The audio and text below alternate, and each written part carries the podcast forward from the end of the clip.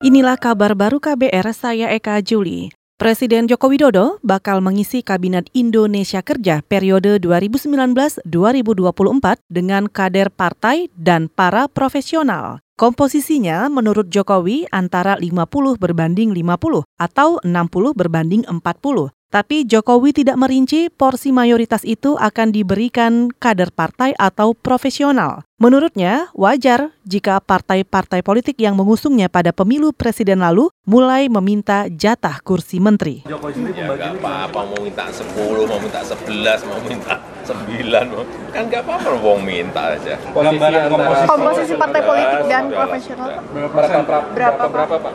Ya kira-kira 60 40 atau 50 50 kira-kira itu. Kalau 60 kriterianya sudah ada Pak. Iya. Diumuminnya kapan Pak? Secepatnya. Jokowi juga berjanji segera mengumumkan formasi menteri pada pada kabinetnya yang baru. Ia menyebut akan banyak menteri yang dipertahankan hingga lima tahun ke depan. Selain itu, bakal bermunculan pula menteri-menteri muda, baik dari kalangan profesional maupun partai. Sedangkan untuk menteri-menteri yang saat ini diduga tersandung kasus korupsi, seperti Menteri Agama Lukman Hakim Saifuddin, juga Menteri Perdagangan Enggar Tias Tulukita dan Menpora Imam Nahrawi, Jokowi mengatakan masih akan pikir-pikir. Saudara Wakil Presiden Yusuf Kala mendukung pemeringkatan atau rating Kota Cerdas Indonesia 2019. Yusuf Kala berharap ke depannya banyak daerah di Indonesia yang punya tata kelola yang baik, ramah lingkungan, ramah anak, dan memiliki teknologi kreatif yang bermanfaat. Jika itu terjadi, maka studi banding pejabat tidak harus ke luar negeri dan menghabiskan anggaran pemerintah. Jangan hanya kita meninjau studi banding ke Singapura, ke Tokyo, atau ke mana saja, tapi melaksanakannya dengan baik. Jadi studi banding nanti studi banding ke kota-kota lain. Kalau Surabaya bersih atau Tanggerang baik, ya tiap studi banding ke situ, ya tahu usah pergi Singapura terlalu jauh kan. Yusuf Kala juga menilai selama ini studi banding yang banyak dilakukan pejabat pemerintah pusat maupun daerah sering tidak berbekas. Bahkan terkesan studi banding selama ini hanya foya-foya karena kemudian tidak ada pengaplikasiannya yang jelas.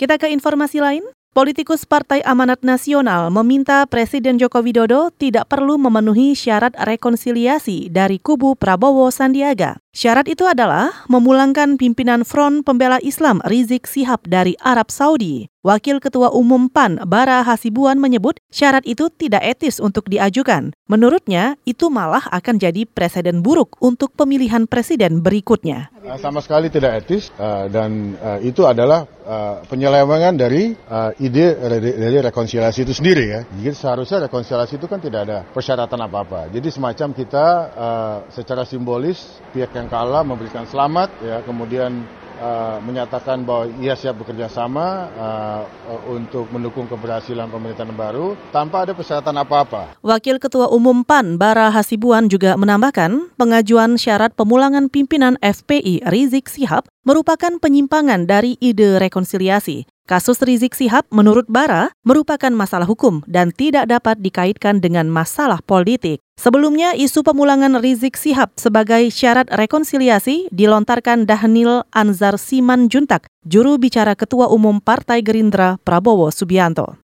Saudara Badan Nasional Penanggulangan Bencana atau BNPB menggelar ekspedisi Desa Tangguh Bencana atau Destana di Banyuwangi, Jawa Timur. Direktur Pemberdayaan Masyarakat BNPB Lili Kurniawan mengatakan, ekspedisi Destana merupakan salah satu upaya mengedukasi masyarakat di wilayah rawan bencana tsunami. Kita bergandeng tangan, kita bersama, kita berikhtiar untuk menangguhkan desa-desa itu.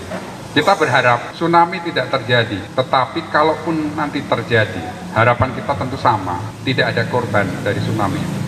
Direktur Pemberdayaan Masyarakat BNPB Lili Kurniawan juga menambahkan, di Indonesia ada lebih dari 5.000 desa masuk zona rawan bencana tsunami. Dari jumlah itu, 600-an desa berada di Pulau Jawa yang membentang dari Banyuwangi hingga Anyer. Sedangkan jumlah penduduk yang terancam tsunami diperkirakan 600 ribu jiwa.